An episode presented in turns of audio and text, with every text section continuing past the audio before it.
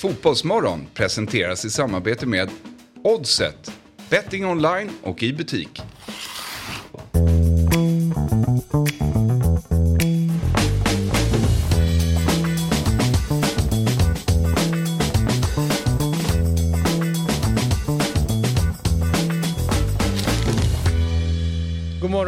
Hjärtligt välkomna ska ni vara till Fotbollsmorgon där jag, Jesper Hoffman och Robin Berglund sitter här och är piggare än någonsin, Jesper. 30 januari. Hur eh, är, formen en dag som denna? Bra, nu är snart januari över. Det är skönt att bocka av den månaden. Ja. Då har man ju kommit en, en, en bra bit. Och nu februari kort. Mm. Det är liksom januari, februari. Det, det måste bara betas av. Sen börjar ju faktiskt i mars börjar man se ljuset. Så att jag, jag, eh, jag är full av eh, optimism. Det är måndag. Ja, det också, känns det också att man har extra spritt i benen när man vaknar? kanske att det är så. Ja, Du har lärt mig att eh, känna så i alla fall. uppskatta måndagar. Robin Berglund, så fin människa som bara sitter här och eh, jag såg att du bara sjönk in i dig själv nu och började fundera. Och dina tankar är ju någonting som jag tror de flesta i världen är lite sugna på att ta del av. Vad satt du och tänkte på? Nej, jag, jag, ska jag vara ärlig så tänkte jag på uh, handbollen. Mhm, berätta. Jag, jag, bara, bara på vägen hit. Jag bara tänkte på förvånad över att de, de, de var så glada att de hade bokat Tommy Körberg. Såg du det? Ja, Alla medier var så här. Det är, fan, det är, bara, det är bara att göra. Det är en budgetfråga. ja verkligen. Han Ja. ju upp. Han sjunger väl gratis. Det var ju inte nationalsången. Nej. Varför ska ni boka honom för att sjunga sin hit? Är helt skumt. Och så ska de lägga ut det i alla sina kanaler. Både tv-kanalen och Har förbundet. inte och folk hört den här låten innan? Det är ju lite den känslan också. Okej om de återförenar ABBA. Men han, han lirar ju där två gånger i veckan. Nej, det är Släpp. svagt. Liksom hela handbollen tycker jag. Skönt att de torskar. Idag har vi Alexander Axén med oss Som alltid. på måndagar. Ja. Eh, Granit eh, Rushiti, Tjacka. Chaka. Hade varit kul. Ja, Ja, verkligen. men det här är nästan roligare. Ja. Vet ni vem det är? Ja. Jag. Berätta. Han vann eh, Guldbaggen för bästa manliga huvudroll i form av att han eh, var Zlatan då. Det var, han skulle ju, eh, vi skulle ju ringt han i fredags nämligen. Ja. Men han fick förhinder. Han dök inte upp. Nej. Men då tar vi honom nu istället. Exakt. Och Linné... Skådespelarmorgon. Vi hade ju Walter också i fredags. Så det, Ja, precis. Skådespelarmorgon. Det är jätteroligt att det heter det numera. Ja. Och sen så Linnea Bäckström, eh, språkvetare. Jag har inte kunnat släppa det här med katastrof. Det där, vad härligt. Ja. Eller hur? Utmärkt. Kanske vi kan fråga också om orgie målchanser som jag reagerade på. Ja. Ja men, ja men precis, men bara reda ut det där att eh, ja, det blev ju, ja men det blev ju stort där och då. Och så, så, folk är ju bra på att släppa saker men jag är ju inte det. Nej. Jag hänger ju kvar vid grejer lite för länge. Nu är det väl typ en månad sedan det hände. Det är roligare att hon är med nu än om hon var med då. Att man får på, det är roligare att hon är med nu än om hon var med för en månad När sedan. alla tror att det är över. Ja. Ja. Då på- bara, nej nej nej, katastrof. ja. Men Chris är inte arg längre. Men du är det. Jag är fortfarande. Nu vill man ju, man lyssnar ju sällan på Chris Sporter. Det är väl i samband med VM, mästerskap och TV-pucken. TV-puck och Ja. annat. Men man vill ju nästan följa honom i allt nu för att granska vad han säger. Om någonting, om Om något någonting är- inte, om ja, mindre bra. precis. För det är väl det man får säga i Ja, så fall med den standarden. Eh, Okej. Det var så, jag tycker Johan Orenius i Offsides podcast de gick igenom där precis som alla andra poddar har gjort. Ja. Och då bara... Fortsätt prata. eh, Då var det ju... eh, Eh, ja, nu var det ju några veckor sedan. Men då, eh, man får akta sig allt man säger. Underbart. Ah, det, det får man väl ta i förhållande till, föder man barn så är väl det underbart. Man kan inte säga det i idrottsliga sammanhang. Det är kanske inte underbart. Du kan inte jämföra det med Ja, man målar in i ett hörn, alltså. Ja, Ingenting är någonting. Bra, jag vet jag inte. Var det verkligen bra? Hur ska man säga till någon som man bänkar då liksom? Här, um, idag, alltså, du är ju inte dålig. Nej. Eh, och jag tycker ju, alltså, men, men det här... Alltså, det vore... Jag bara tänker så här, det vore, ja, men någon form, inte rättvis perspektiv heller, utan om du sitter här någon minut och bara tänker. Timmarna bara går. Ja, du har inte gjort något fel eller sådär. Du är väldigt bra på allt det du gör. Och dåligt, det är ju någonting om ekonomin kraschar Ja, och sånt där. Det är, men det du har gjort är ju alltså absolut inte det. Men ta och sitt här nu lite grann bara. Nu är matchen slut. Ja, det var så Nu går hem. Vad olyckligt det blev att Ja. inte hann byta in dig. Men jag sa ingenting dumt. Nej, jag sa ingenting nu. Från Rynninge. Eh, god morgon på dig Alexander Axén. Eh, hur är läget? God morgon boys. Jag håller på och eh, återhämtar mig efter tre dagar i Amsterdam med SEF, eh, nätverksresa. Så att, eh, Herregud. det var en ganska, ganska lite sömn och ganska mycket roliga saker faktiskt. Vilka var ni? 165 personer tror jag att det var där. Så Oj, att, eh, jag kan inte dra alla. Nej. Men, men det, det finns några som stack ut, så kan man säga. VIP-bordet. Vilka, vilka, utan att säga vad, vad det stökades kring, vilka var det som stack ut?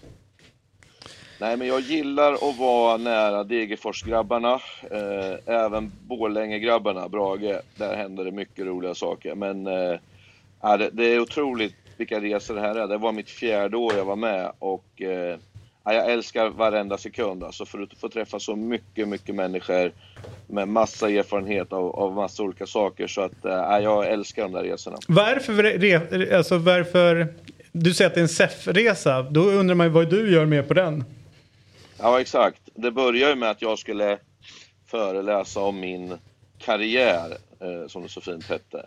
Och det slutade med att det blev ju massa frågor om allsvenskan och sånt. Och eh, efter det så har jag haft ansvar för där vi har varit. När vi var i Berlin så var det landskamp Tyskland, England. Då skulle jag berätta lite om det. Eh, och för en sån här tippa matchen-grej också. Eh, också blir det allsvenska frågor.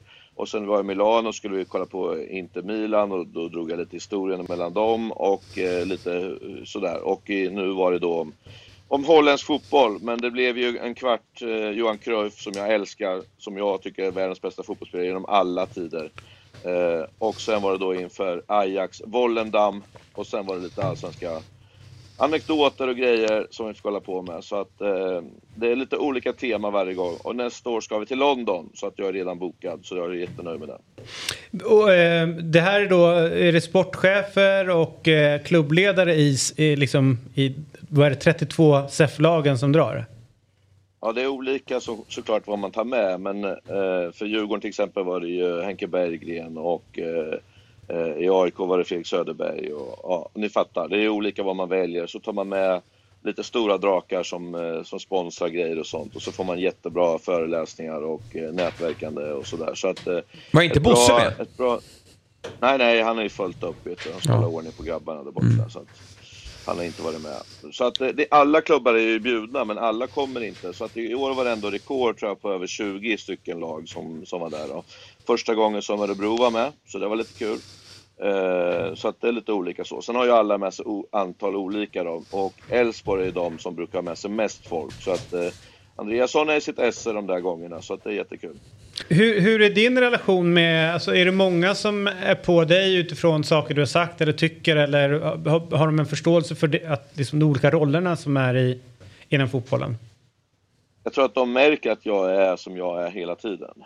Eh, jag tror kanske att de tror att man är på ett sätt och sen så eh, när man träffar så är man på ett annat sätt. Men jag är ju lite för dum för det där. Jag har ingen av och på-knapp liksom, utan jag är den jag är och är rätt så öppen och inte så mycket filter, inte då heller så att säga. Så att, eh, jag tror att det är mer att de får en bild av hur jag är även privat då, liksom, som, som är ganska bra tror jag. Eh, lite fotboll, du kanske hörde att vi pratade om det, vi börjar prata lite grann om det som vi ska prata om sen i, i Eurotalk om eh, gräddfil för, eh, för tränare. Om du bara eh, snabbt här, vad, vad tänker du kring, kring det? Att det är som vanligt att de som bestämmer, de vet alltid minst i fotboll. Därför att det är klart att man lockas med att man ska ta en bra spelare, för att han har ju så mycket erfarenhet och han vet så mycket. Men han är noll oftast i ledaregenskaper. Och för mig är ledaregenskap kanske 80-90% av en tränargärning. Därför att det är inte så att inte spelarna fattar vad man ska göra på den där nivån, utan det är hur man får ihop det sen. Och just det där som du sa med Bengt-Åke är ju lite samma som hände med Platini, liksom när han i stort sett i jeans bara tar bollen, vänder om och slår en crossboll på foten på andra sidan och bara Varför gör ni inte bara så här liksom?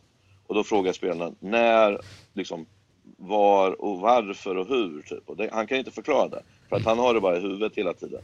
Och det är det som är den stora utmaningen, liksom, att kunna lära ut det du själv har i huvudet. Och det är där många går miste på. Då. Och sen som ni sa, Spalletti, det är mycket målvakter i, i Italien som är eh, tränare.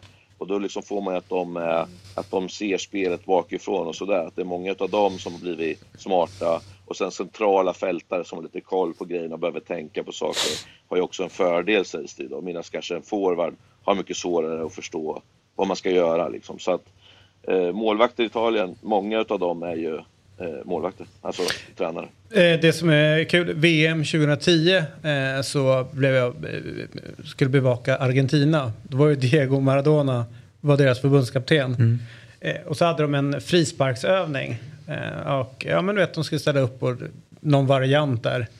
Det är en Messi och ganska bra spelare sådär. Och Maradona stod eh, med uppknäppta eh, fotbollsskor, alltså långt ifrån knäppta. Och, och fattade liksom inte varför de inte bara pillade in bollen. Alltså det är, han sa att det är typ två alternativ. Antingen prickar du huvudet på den där försvararen, alltså eh, då offensivt läge. Eller så kan du lägga upp den i första krysset.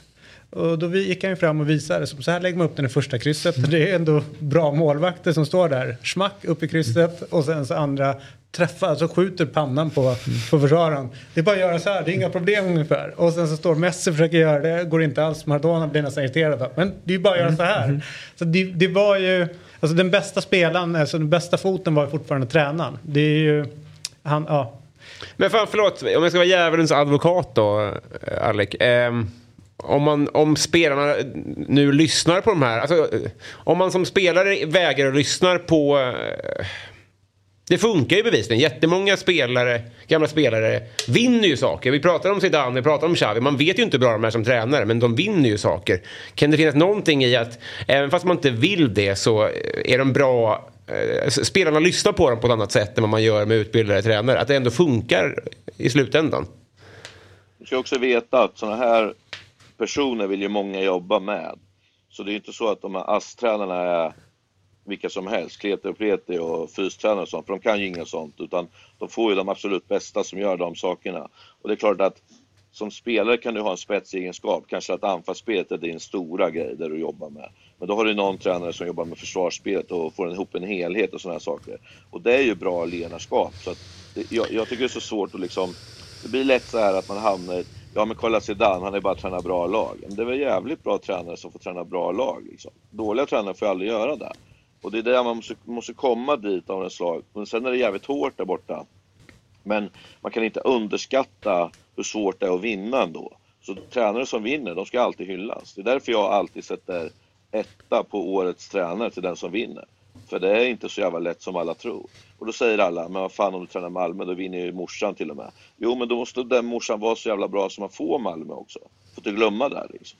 Eh, så att, eh, eh, jag, jag, jag beundrar folk som har gjort så bra och Zidane är ju, har ju en magisk eh, karriär som tränare. Liksom. Så att, eh, och det trodde man ju inte kanske innan, för ni vet ju hur han var, tappa huvudet och utvisningar och gapa och skrek. hur skulle han bli som tränare?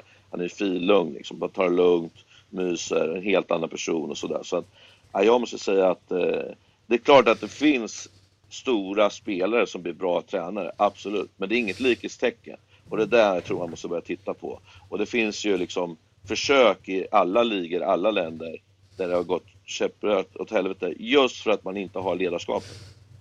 Och det Zidane eh, kanske är starkast det är ju matchcoachningen. Alltså mm. Alltså att han, hur han ser matchflödet. Sen vet inte jag hur bra han är som, som tränare. Det kanske är liksom assisterande till honom som bedriver det. Men han, eh, en jävla förmåga att liksom förändra matchbilden med, med byten tycker jag var hans absoluta starkaste, mm. starkaste del. Har man ett ansvar som klubb tycker du? Om man har en som Zlatan i Milan nu eller en Totti i Rom. Har man ett ansvar att ge dem ett toppjobb? För då blir det ju lätt sådär att man får ett jobb man inte har förtjänat baserat på att man är bra på någonting annat. Man kan ju få ambassa ambassadörjobb liksom, och då ska du bara prata gott om det. Liksom. Det är ju enklare kanske men du, du, tar vi in till exempel eh, någon, om vi säger Xavi då, i, i Barcelona, han har ju massor att förlora då. Därför att supporterna kommer gilla honom tills han börjar förlora matcher. Då är han inte värd ett skit helt plötsligt. Och då försvinner hans spelarkarriär också. Mm. Man måste tänka så också att det, det, är lätt att helt plötsligt blir du tränaren Savi och man glömmer bort spelaren. Och så kommer det alltid vara. Så ett ambassadörjobb är ju mycket, mycket bättre om man vill ha kvar någon form av status och en legend i ett lag. är ju där mycket bättre än att bli tränare för att då är du beredd att, att, att tappa den grejen. Liksom. Mm. Om vi tar en tränare då som, eh, får man ändå säga, inte var den starkaste spelaren men har en fin tränarkarriär så är det Jürgen Klopp. Eh, jättehyllad såklart, både i Dortmund och de, den tidiga delen eh, i, i Liverpool. Nu när det går lite tyngre så är det många som börjar ifrågasätta hans, ja men hela hans existens nästan som tränare och kompetens. Va, va, som tränare, hur, hur, hur tror du, eller rätt sagt, hur bör han brottas med den här situationen han har hamnat i? Ja, men lite så här som Malmö FF-syndrom tycker jag. Har kört för länge med samma gäng. Liksom. Jag fattar att man vill göra det för att det sitter som en smäck och när de är bra så är de brutala. Men de där tre där uppe skulle han ha bytt med för länge sedan för att då hade han kunnat fått ett bättre läge. Centralt fält är ju, det är ingen som riktigt darrar till när man ser Liverpools tre på, på fältet liksom. Och, eh, det är väl det jag tror att han har varit sämst på, att våga byta utan tänkt att de här är inkörda och så kört mycket samma lag hela tiden. Inte använt bredden, inte vågat liksom eh, mot de laget kanske 11 och neråt, våga byta lite och så. Utan han har verkligen kört och han är ju en, han är en tränare som, eh, vad ska man säga, han vill ju ha fart och fläkt hela tiden så det finns ju liksom ingen gång när de får bara spela av en match utan ska gå på ett speciellt sätt och sånt. Och de tränarna är väldigt krävande och till slut så är det bara någon som står och gapar och skriker på sidan och det är bara liksom, ja, man orkar inte med honom typ. Så att han, han hade behövt bytt tidigare för att eh, nu ställs det på sin spets och alla nyförvärv nu måste sitta som en smäck för att han ska ta sig vidare. Och det är tufft alltså. Man, får inte, man har inte råd att missa nu med en, två stora värvningar i Liverpool för att nu är han på en annan hylla. Liksom. Det som sticker ut tycker jag med, med Klopps lag det är ju att tidigare ryggrad, alla är väldigt mycket sämre idag. Alltså, det Alisson Becker i mål är ju fortsatt bra men, men har du ytterbackarna Trent Alexander-Arnold, Robertson, van Dijk, du har Fabinho. Du har framförallt Salah då, mm. där kanske Sir Alex Ferguson, han var ju otroligt skicklig på att släppa spelarna i rätt tid. Liverpool, och jag förstår någonstans det, supporterna skriker efter det. Salah var en av världens bästa spelare, i alla fall fram till Afrikanska mästerskapen i fjol. Jag förstår att man vill förlänga med en spelare som har gjort Ja, men över 25 mål i stort sett varje säsong. Men med facit i hand, jag, jag, jag vill våga säga det redan nu trots att eh, Salah har lång tid kvar på det här kontraktet så var det ju dumt att inte släppa honom. Mm. Vad tänker du? Få in en miljarder. En yard? Ja, men jag håller med om det. Och det är det här som är det svåra liksom. De som har blicken, de vet när man ska släppa sådana grejer och att man har någon klar som ligger där bakom och skvalpar. Alltså, Firmino, han gör ett otroligt jobb alltid och gjort det, gjorde väldigt lite mål egentligen men har ju gjort mycket annat. Typ. Den som kom efter det, hur skulle den vara? Skulle den vara som Firmino skulle den vara så att den sprider ut som ännu mer mål och sådär? Alltså tanken där känns som att de har blivit tagna på sängen fast de har haft flera år på sig att förbereda det här. Och alla i världen pratar om Liverpools fotboll och alla skulle vilja komma dit som är lite snabba och liksom vill göra mycket mål och sånt. Till nu så börjar det vackla liksom. Och, och så fort går det. Det är så otäck bransch det här.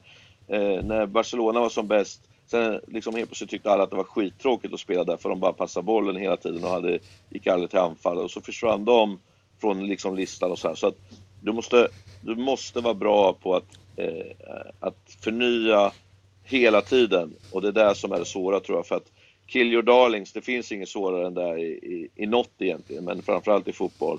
Eh, men där, där måste man bli bättre om man ska liksom hålla över tid. Härligt! Eh, tack för den här morgonen eh, eh, Axén. Alltid lika härligt att ha med dig. Ja, ni gör ett jävla jobb för svensk fotboll, glöm inte det. Och Robin, du kommer.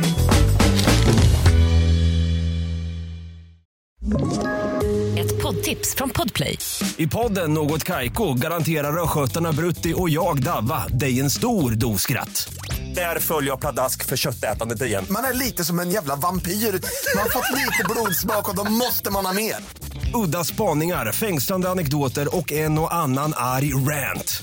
Jag måste ha mitt kaffe på morgonen för annars är jag ingen trevlig människa. Då är du ingen trevlig människa, punkt. Något Kaiko, hör du på Podplay. Därför är och idag är det ju speltips eh, i samarbete med Oddset. Och vi, vi tänkte så här att eh, det vore kul med ett, så här, ett, ett lång, långsiktigt spel innan vi kliver in i liksom när Champions League drar igång. Är det nästa vecka Champions League? Eller veckan efter det? Det är nog veckan efter det va? Ja. Mm. Eh, och då är det så att om man ska spela eh, så tror jag att vi måste ta bort eh, om du fortsätter med det här, Mm. eh, så ska jag bara gå ut och fixa en grej. Men vi gör det tillsammans med Oddset Mm. eh, och, eh, eh, och ett långtidsspel, vilka som vinner Champions League. Mm. Yes. All right. så kommer jag alldeles strax. Tackar vi David. Och så tar du och jag Ja, vid. med glädje. Ja, nej men eh, det är ju kul att börja snacka upp Champions League. Mm. Och när jag får oddsen framför mig så här på skärmen, som jag hoppas att våra Även våra lyssnare och tittare, eller framförallt tittare, eh, har tagit del av. Så slås jag av att hur kan City vara så här stora favoriter? Kan vara stora Det är helt otroligt. För mig, hade jag fått gissa här Ja. så hade Bayern varit i lägre odds än City. Ja, kan, ja, men likvärdigt i alla fall. Och eh, alltså, traditionens makt är ju stor. Ja. Vi vet ju Citys problem. Eh, och, och det är ju samma tränare och det är mångt och mycket samma lag även om de har fått en, ytterligare en, en, en, pusselbit där. Mm. Men det är jätteförvånande tycker jag. Eh, att, att de står i 2,70. Det hade inte jag spelat. Nej, det känns som... eh, Sen är det väl som så att eh, titta bara på England så, så är det ju två jättar som inte är eh, bra längre. Och det är ju Liverpool-Chelsea. Ja. Eh, Och vanligtvis, eh, det har, nog sett, det har nog lett till att City har ett lägre odds. Än vad de brukar ha. För att annars brukar man ha Liverpool som är strax bakom. Och några andra engelska lag som, som hotar. Barca är inte med. Men eh, jag tycker jag ser spelvärde i Real Madrid här. Jag tänkte säga det. Mm. Jag... eh, Nej, Okej. jag tror inte det. Nej. Benzema är, är på nedgång och han var typ hela laget. Ja, det tror inte jag. Men eh, nej, det är som vanligt med Real. Att man är aldrig så här, de, är, de, liksom, de gånger de har vunnit, det är inte alltid att det har varit självklart att Nej. det är Real Madrid. Det är inte Nej. att de har varit City-favoriter. Men de, vet, de växlar ju upp och eh, Ancelotti vet vad han sysslar med. Och eh, jag tror att många av de här storstjärnorna, lite sista chansen för dem att vinna igen.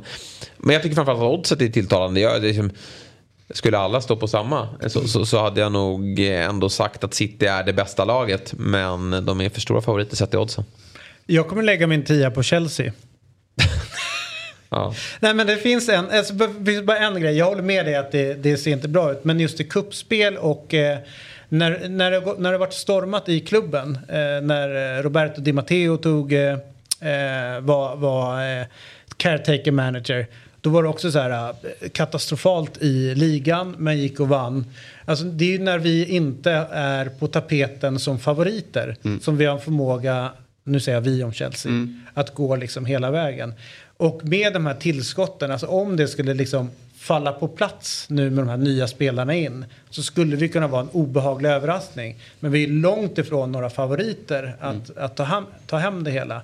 Men sen eh, är ju den största favoriten eh, tycker jag ändå är City utifrån att de har den här målskytten nu som de har saknat. Att de kanske hackar lite mer, mer i ligan men eh, har ju en som kan göra de här enkla målen, alltså göra mål. Så att jag håller nog eh, PGA att de har Haaland. Så är de, de Ja men de är ju favoriter men så där stora favoriter tycker inte jag att de ska vara. Bayern München, eh, är det Neuer som out som har lett till att de faller så här hårt eller? De har ju tagit in Sommer, så det har Ja. de ju löst på bästa sätt. Men de har ju inlett efter jul nu med tre raka kryss. City har ju Eh. inte heller varit så bra efter uppehållet. Men PSG är ju egentligen, om man, om man bara kolla så här, vilket Ja. lag har de? Så ska ju de vinna. Alltså det här är ju så nära Harlem Globetrotters man kan komma. Fast i fotbollssammanhang. De har liksom tryckt in allt det de har. Eh, och Men där tror jag att det är bra, nu tappade de ju pengar igår igen då i, i franska ligan. Och jag tror att det är bra att de är lite smådåliga nu. Eh, och att de verkligen tar det här på Ja, allvar. och sen så vad är liga? Alltså så här, för Nej, de skiter fullständigt ja, alltså det. Men det nu handlar det ju om att, och det är ju bra för dem för nu får de möta ett superlag direkt här i, i form av Bayern München. Och kan de bara ta sig förbi den, vilket ju blir väldigt svårt, då, då tror jag att de kommer få jäkla vind i seglen här. Ja. Napoli eh, eh, hävdar ju folk då är Europas bästa lag just nu. Mm. Gör- Håller du med där? Nej, det gör jag inte. Men jag ser dem för sällan. Men eh, jag tycker ju att oddsen visar ju på vilka som är Europas bästa lag här. Det är ju Manchester City fortfarande. Men eh, alltså jämför liga, Arsenal, jag vet inte det. Serie A och eh, Premier League så är ju Premier League en mycket bättre liga. Och då borde ju vara de som leder den ligan som är Europas bästa lag då. Även om City inte gör det. Nej, eh, det är Arsenal. All right, eh, det här var ju spännande. Jag tror alltså, om eh, Arsenal hade varit med här så tror jag att de hade varit före, de hade varit mellan PSG och Liverpool där som Men du hade lagt en tia på Chelsea helt... Ja, ja, ja. Och du, alltså inte så att de är favoriter, men du hade, där, där finner du mest spelvärde liksom. Ja, alltså spel. Sen är det klart att jag sitter och hoppas vä- väldigt mycket. Men, men jag, jag konstaterar att de vinner eh, Champions League eh, när, när man minst anar det. Och går ganska dåligt i Champions League när man förväntar sig att det ska gå bra. Så att det finns någon form av omvänd eh, logik. Jag börjar känna det. att Real Madrid är liksom vad man sa om Tyskland förut.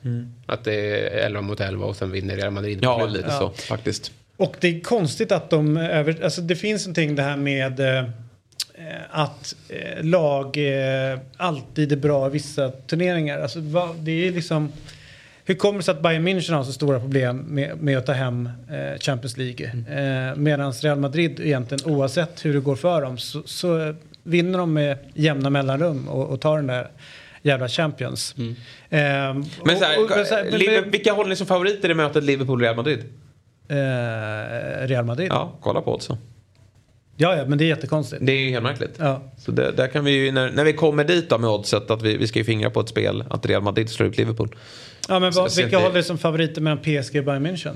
Ja, men jag håller nog Bayern München lite för, liksom för att PSG aldrig får riktigt ihop det. Alltså, jag håller med dig att tittar man bara på laget, ser den där fronttrion, det, det, de, de ska nästan vara favoriter. Men vi vet ju också att, de är, att det inte riktigt funkar i, i praktiken och att det är en märklig tävlingsbalans för dem under en säsong. Att eh, jobba med ligorna som inte betyder något och så helt plötsligt möter de ett av världens bästa lag. De inte riktigt är förberedda. Men eh, så jag, jag håller Bayern München som knappa favoriter där. Det är lurigt också, för, alltså, i, i en kvartsfinal sånt, då, då är jag med på att City kan slå ut Bayern München. Men i en final, Mm. jag tror ändå att, att vinna turneringen, det känns som... Alltså där, där börjar vi snacka traditionens makt och sånt. Att det Och vad beror den på? Det skulle man vilja reda ut någon gång. Liksom. För, för att spelare lämnar, tränare lämnar, men ändå så är det så här, Real Madrid, när det är final så vinner de den. Mm. Alltså, det är det som är så konstigt. Vad, är, vad, är tradition? Mm. Vad är kultur? Och, och, och hur kommer det sig att det sitter kvar så jävla länge? Inte börja skaka när man släpper in första målet, känns som att Real är så här... Ja, men I de, ja, ja, eller är- ja, det är konstigt det där. Mm. Eh, men du, eh, det, här, det här är ju jättespännande. Nu ringer Melker här också till mig. Eh, Farbror. Ja, farbror Melker. Mm. Ja. Eh, vi, vi lämnar det här och det, det här är långspelet finns det där borta på Svenska Spel. Som är en produkt av?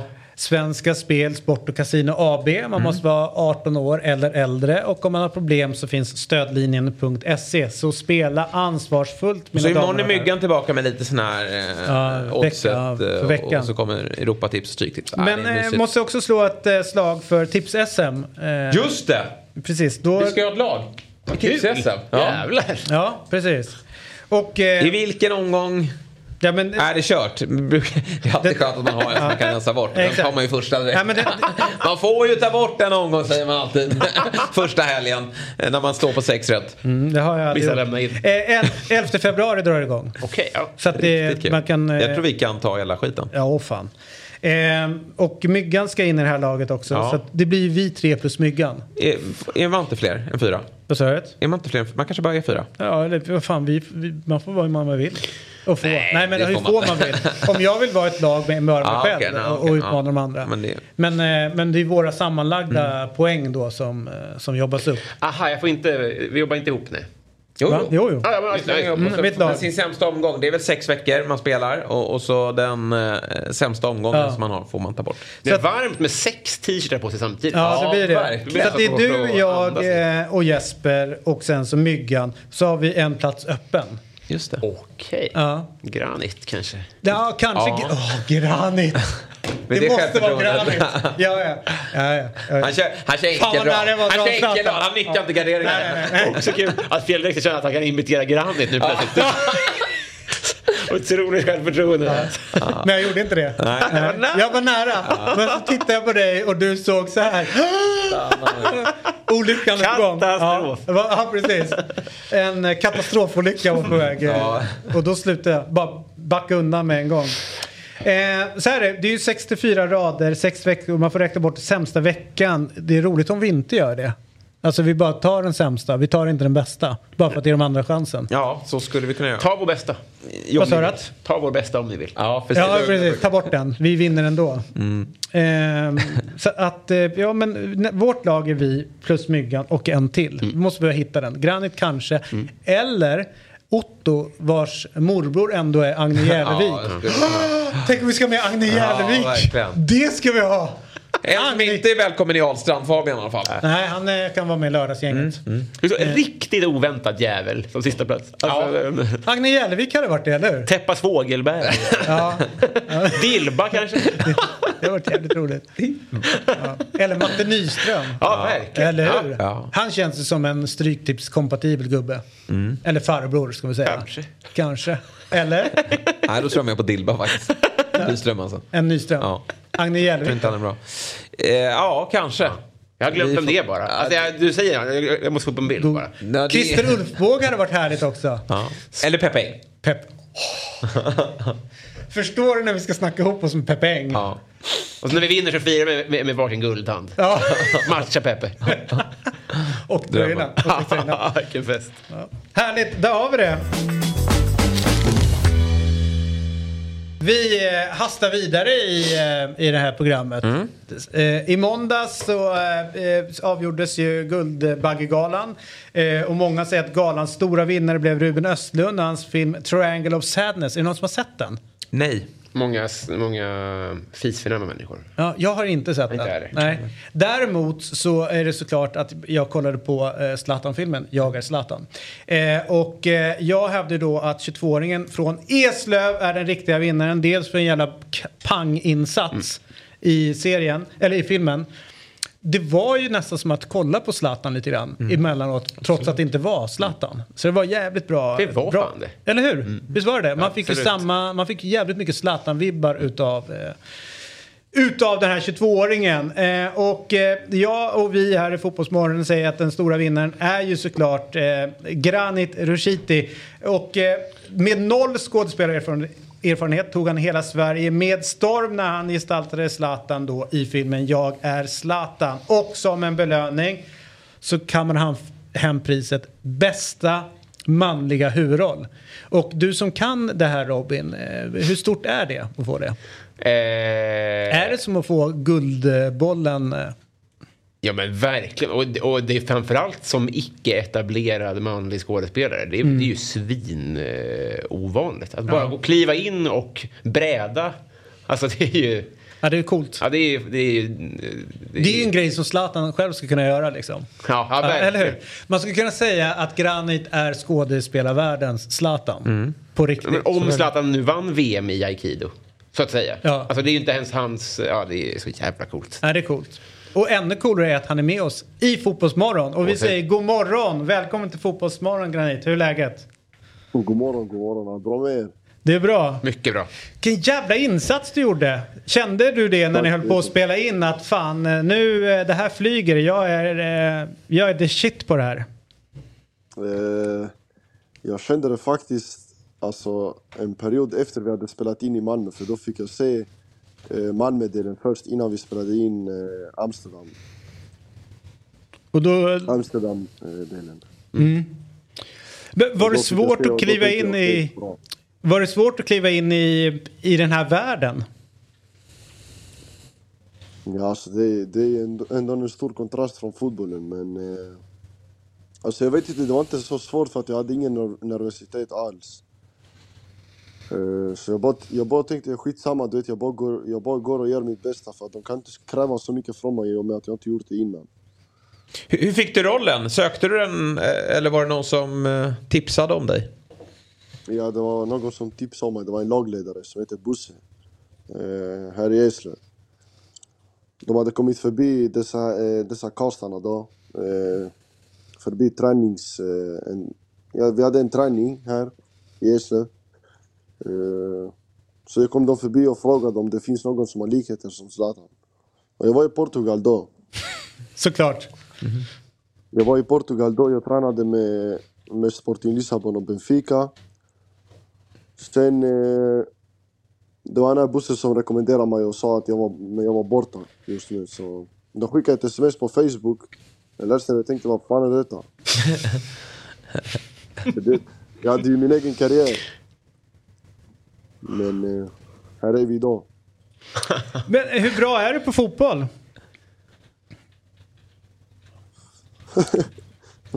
Det är konstigt att säga, alltså svara på den frågan men Eh, Jag skulle nog säga väldigt, väldigt, väldigt duktig. Har du lagt ner karriären eller? Har du lagt ner fotbollskarriären? Alltså jag spelar i division 5 nu bara för att hålla igång med vänner, du vet. Jag spelar inte för längre. Men eh, det är inte någonting jag satsar på alltså. Nej. Men innan filmen, hur, vilken nivå var du på då? Vad... Alltså... Alltså jag skulle nog säga ändå alltså... Väldigt, väldigt hög nivå. Alltså jag, jag har svårt att säga, det är lätt att kunna spela Allsvenskan utan problem alltså. Ja. Utan problem. Hade gjort kaos med allsvenskan. 110 procent. Kan inte du vara gäst varje vecka? Ja, ja, ja. Det här är Alltså jävla kan börja nice. sitta med i fotbollsplanen. Verkligen. Vad gör vi här? Ja. Fan, Men, och vilket bra tal du höll också. Är det någonting du inte kan? Jag vet inte faktiskt. Jag måste testa faktiskt alla, alla grejerna så får vi se vad jag inte kan göra. Men du, den här... ähm, att, att eh, komma in i den här eh, all uppståndelse som är och med eh, ja, men du, först, hur var det att träffa Zlatan då? Det måste, det måste ha hängt lite grann, eller hur? Ja, vi, vi, hängde bara, vi har bara hängt en gång faktiskt i Milano då. Annars har vi inte hängt. Men vi har haft kontakt till och från, från alltså, på telefonen. Men eh, alltså... Hur ska jag förklara? Det, det är väldigt svårt att förklara det för att Zlatan han var den största, största förebilden för mig sen alltså, jag var väldigt liten. Kanske från sjuårsåldern, åtta kanske. Men från det hållet, och du vet. Jag vet inte, du vet Zlatan, allting, allting han, han gjorde på plan försökte jag göra som liten. Du vet, bära med mig den attityden och... Eh, jag vet inte, bara allmänt. Jag försökte alltid vara som honom. Eh, och så, såklart, du vet, det är inte så att jag, jag försökte imitera honom hela tiden när jag, eh, när jag var liten. Men du vet, de här små viktiga grejerna som man tar med sig eh, som man tar med sig från områden där det finns där det finns lite problem och så här. Man måste stå på sig, du vet. Mm. Så det har jag sett upp mycket till också utifrån fotbollen då. Eh, att trä- träffa honom, det var helt magiskt alltså. Jag kunde inte tro mina ögon. Vad gjorde ni i Milano? Vi bara satt i vårt hotell, eh, hotellrum. Vi hade typ så ett stort vardagsrum.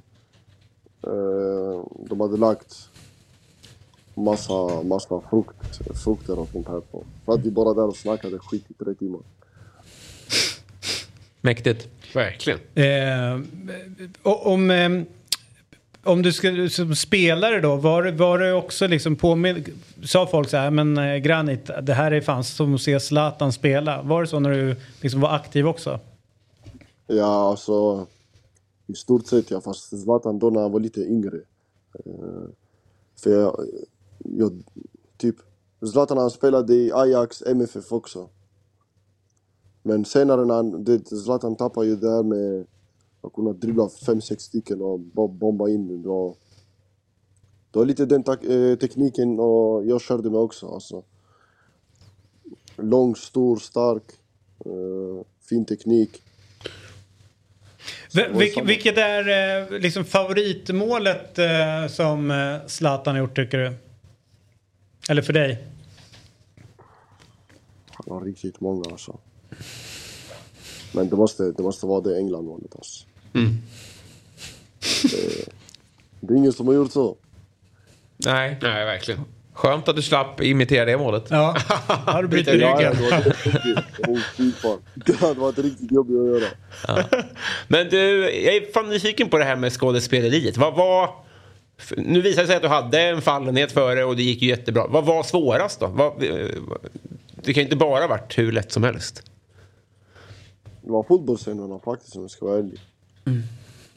De var de svåraste för jag hade, jag hade ju korsbandsskada då när jag spelade in den. Oj. Så mitt knä den, eh, jag vred den flera gånger eh, under inspelningen. Sen fick jag min ljumske, min ljumske gjorde riktigt ont också, speciellt i Amsterdam. Jag vet inte om ni har sett den där scenen när jag skjuter skott utanför, eh, på träningsanläggningen, exakt utanför arenan. Då jag vet inte, det, jag hade ju riktigt ont i min ljumske så jag kunde inte jag kunde inte skjuta på riktigt. Sen de ville hämta en stuntman som skulle skjuta de här skotten. Så jag kollade på honom och jag tänkte, ska han här ta mitt skit det jag gjort hittills? Det? Aldrig i mitt liv. Jag bara körde hela, hela på adrenalin. Sen jag minns, jag, jag tror på tre, fyra dagar kunde det inte gå alltså. Det är bästa castingen som har gjorts. Ja, ja. Det är helt otroligt. Ja, det är helt suverän. Som jag och Sickan. Ja, eller, ja, herregud. Ni har ju kanske mer gemensamt än vad ni tror. Ja, liksom. verkligen. Jag vet, Skillnaden är- jag vet ju precis vad han går igenom. Ja. Jävligt, har det här lett till någonting? Blir det mer eh, skådisuppdrag? Alltså, ja, ja, det måste, jag vill ju att det ska hända ju, men sen eh, vad de i branschen anser, det kan jag inte svara på. Men eh, jag kommer inte vänta på någon alltså. Jag kommer, om inte någon kommer med en roll till mig för att fixa mina egna roller. Helt rätt. Verkligen. Du, be- berätta den här Guldbaggegalan. Du sa i ditt eh, tacktal att du skulle festa med dina boys dagen efter. Eh, så så eh, liksom, hur, hur blev festandet eh, efteråt? Alltså, bara samlades med vänner. Eh, åt lite gott. Dra, alltså, ja, spelade lite bowling. Vi festade inte på det sättet alltså. Jag festade, inte, jag, jag festade inte ofta. Alltså klubb, klubb på det sättet. Inte ens i det här läget. Nej, nej. Det är just nu man måste hålla sig som lugnast. Jag förstår. Många ögon på en. Ja, det är det. Du, men, eh, och framåt då? Du sa att om du inte hittar någon, eh, någon hör av sig så, så fixar någonting själv. Men det, det kan ju inte ha varit helt tyst tänker jag efter det här. Det, det är ju liksom, det är ju ett Zlatan-genombrott fast i, i skådespelarvärlden. Det är ju, ja, men det är ju häpnadsväckande att, att du, eh, ja, men hur du gestaltar Zlatan, hur du tar an det. Det känns ju som att du inte har gjort någonting annat sen det var... Var det inte hon tjejen som vann som är 17 bast eh, och håll på och varit skådespelare som var fyra år liksom? Nu i år? Ja, Eh, någon jag tror dig, men Ja. eh, det, och det, känns, det känns som att du har hållit på med det här sedan du var liksom fyra, eh, tre, fyra år. Men du ramlar in i det och bara toklevererar. Vad, vad har du fått för feedback runt det hela? En gång till för det avbröts. Jag fick vad, är liksom, vad har folk sagt? Det, det är väl klart att folk måste dra i dig så åt helvete efter det här. Vad, har det, telefonen ringt mycket? Har du fixat agent? Liksom, vad, Ja, hur ser, hur ser livet agent. ut? Jag har fixat agent och jag... Dagen efter faktiskt på morgonen. Eh, jag, jag gick och gjorde en casting direkt på morgonen då. Eh, efter Guldbaggen. Tisdag morgon. Och vi får se hur det går.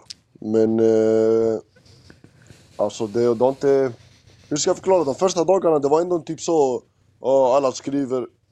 Hör ni mig? Ja, ja. Ja, ja. Ja, alla skriver hit och dit, fram och tillbaka. Sen det, det lugnar ner sig lite. Så jag vet inte, jag, jag kan inte svara på hur det kommer gå och hur, hur de tänker. Men eh, som sagt, alltså, jag, kan inte, jag kan inte vänta på att någon ska komma med saker till mig. Utan jag, får då skri- jag håller på att skriva mina egna roller också med några, några i branschen. Så vi håller på att skriva, eh, börja med kortfilmer. Jag vill ta det stegvis. När jag vet att jag har gjort en egen kortfilm kan jag göra en hel film och, och en serie. Är det MFF du håller på i Allsvenskan? Ja. För då, då är mitt förslag att vi hör av oss till dig sen under säsongen så får du analysera lite grann hur det går för ditt M- MFF. Det är ju ny tränare och ni ska spela på nytt sätt och ja, rätt, jada, jada, jada. Du blir lite grann av vår fotbollsexpert i södern. Det hade varit eh, en ära att få, få, få vara med faktiskt. Ja, men det, det är redan bokat. Eh, Nu, Bara- bara kan du skriva in... Ja, Inga konstigheter. Det löser vi. Här finns det para. Ja, ja, visst.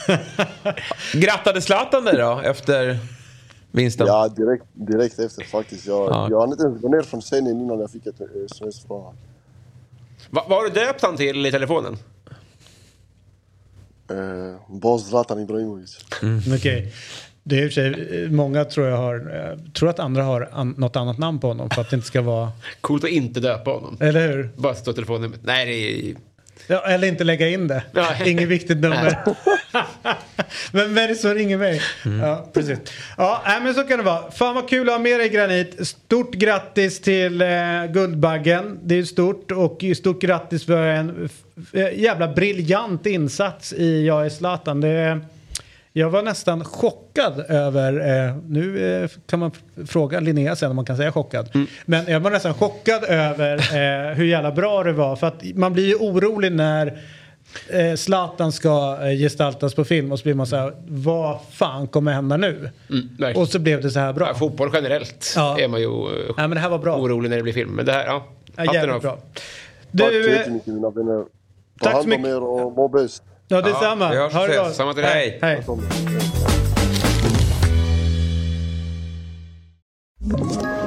Ett poddtips från Podplay.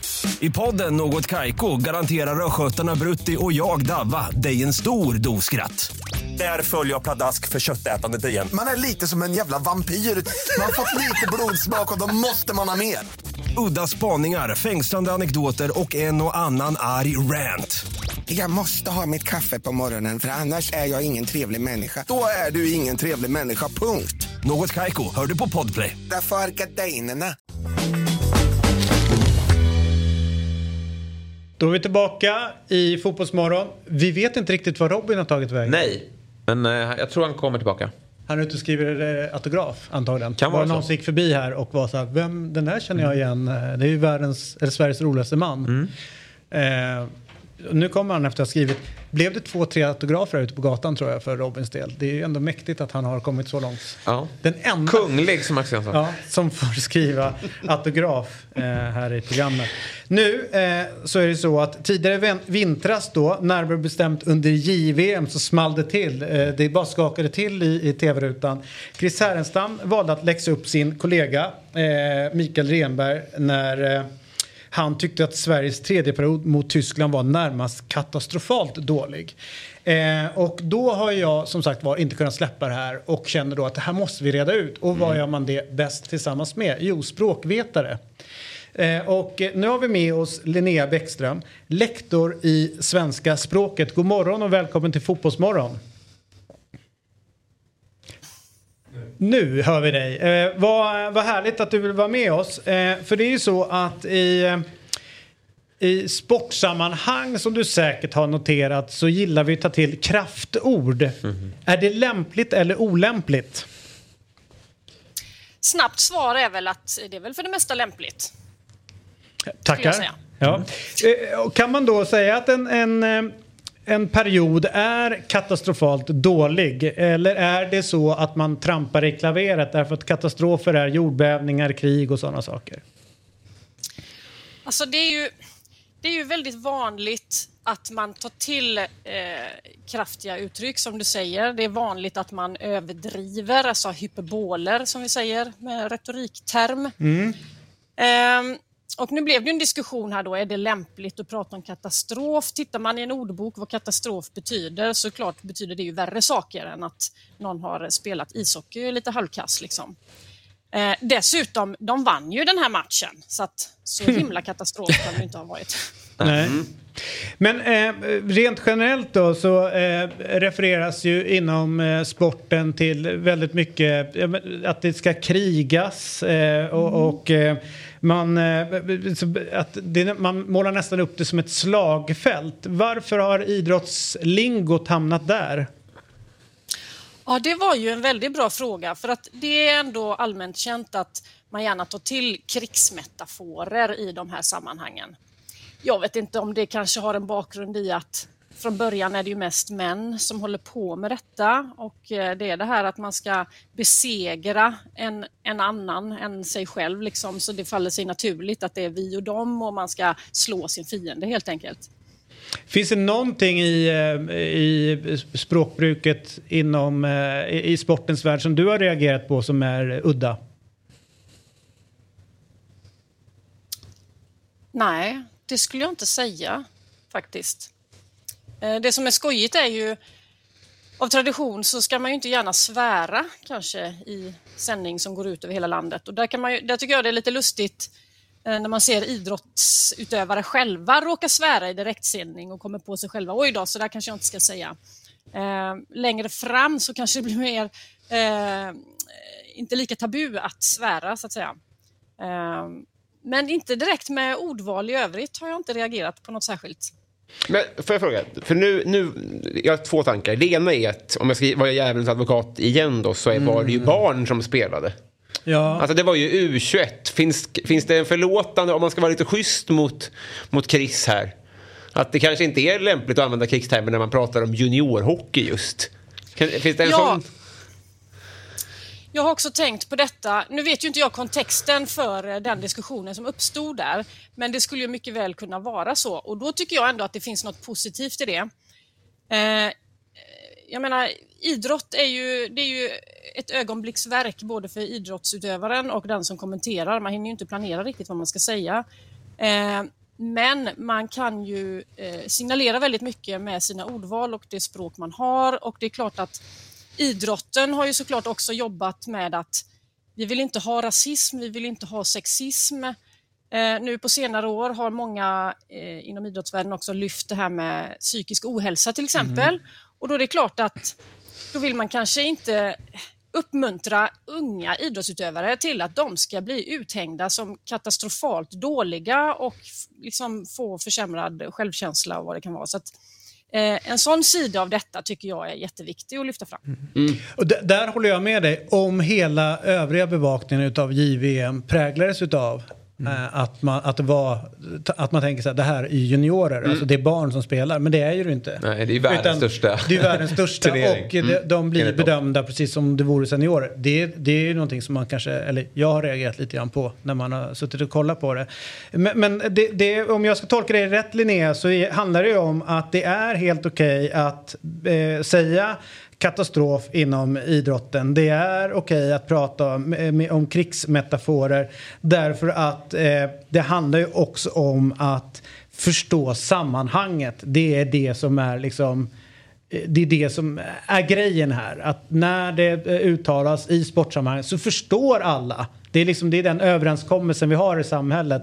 Att det är inte en katastrof per se. Men i det här sammanhanget så är det. Att det är där man måste hålla två, bollar, två tankar i huvudet samtidigt. Ja, men det tror jag absolut.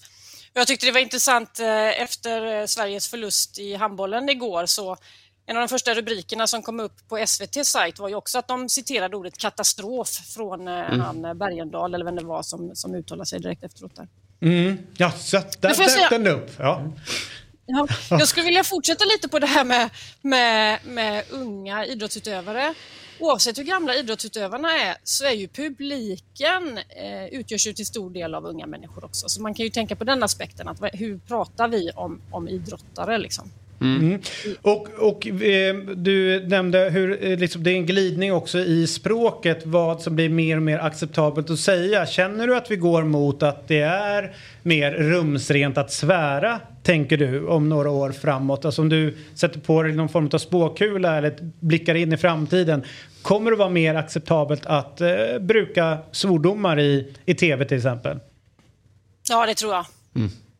Varför hamnar vi åt det? Varför, eh, varför går vi åt det hållet?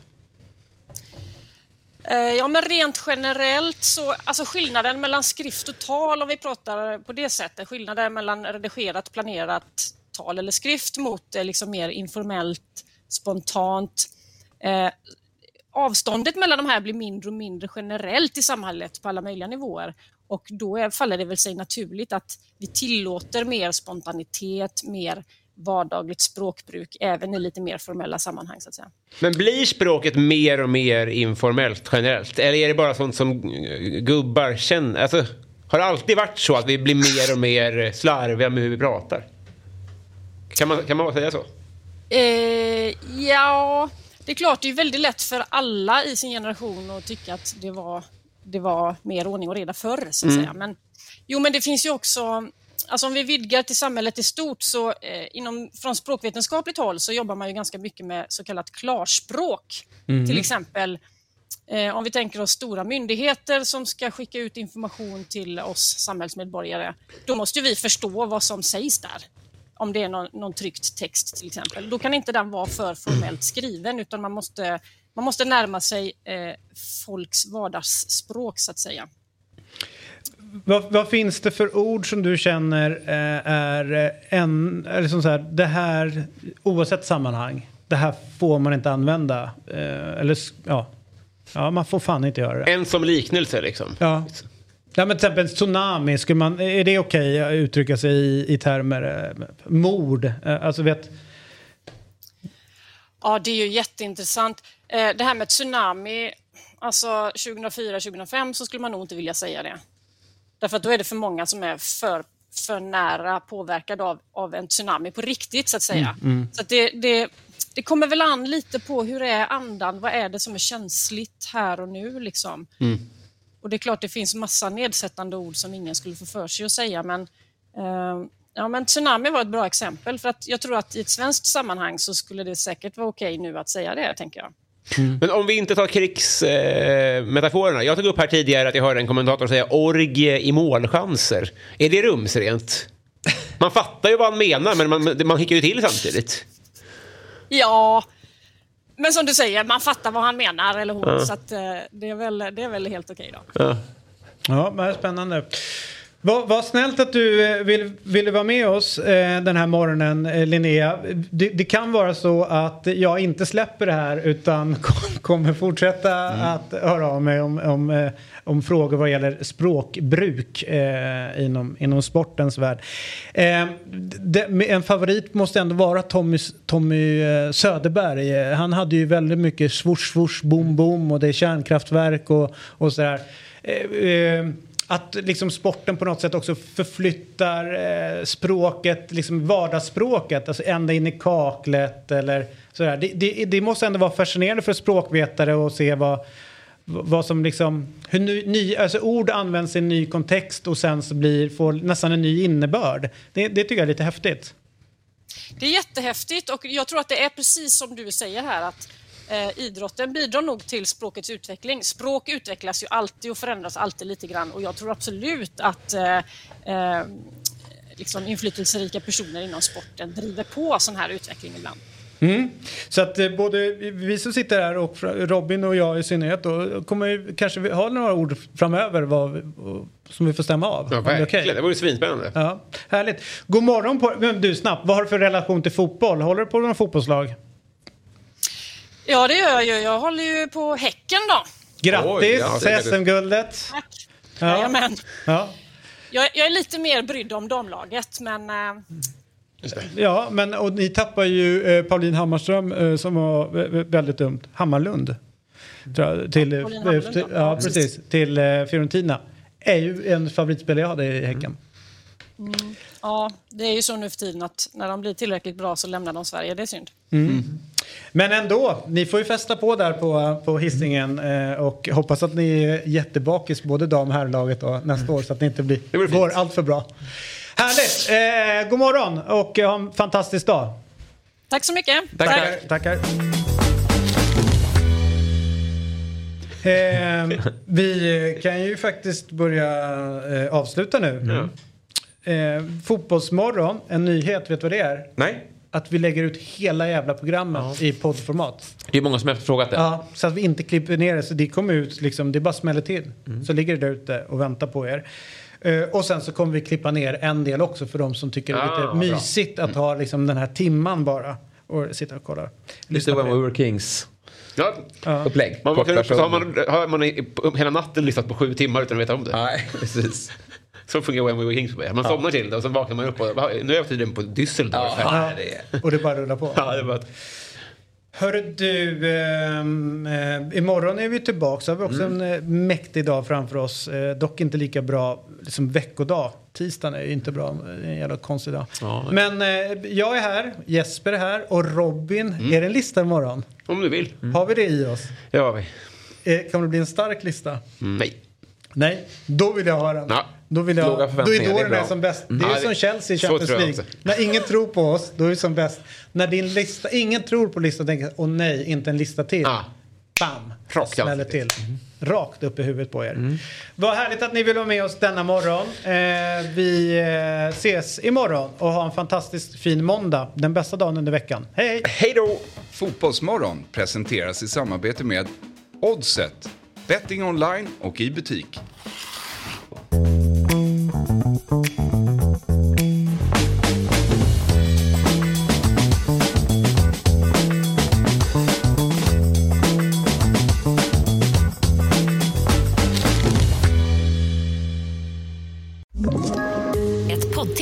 Podplay. I podden Något Kaiko garanterar östgötarna Brutti och jag, Davva, dig en stor dos skratt. Där följer jag pladask för köttätandet igen. Man är lite som en jävla vampyr. Man har fått lite blodsmak och då måste man ha mer. Udda spaningar, fängslande anekdoter och en och annan arg rant. Jag måste ha mitt kaffe på morgonen för annars är jag ingen trevlig människa. Då är du ingen trevlig människa, punkt. Något Kaiko, hör du på Podplay. Därför arkadeinerna.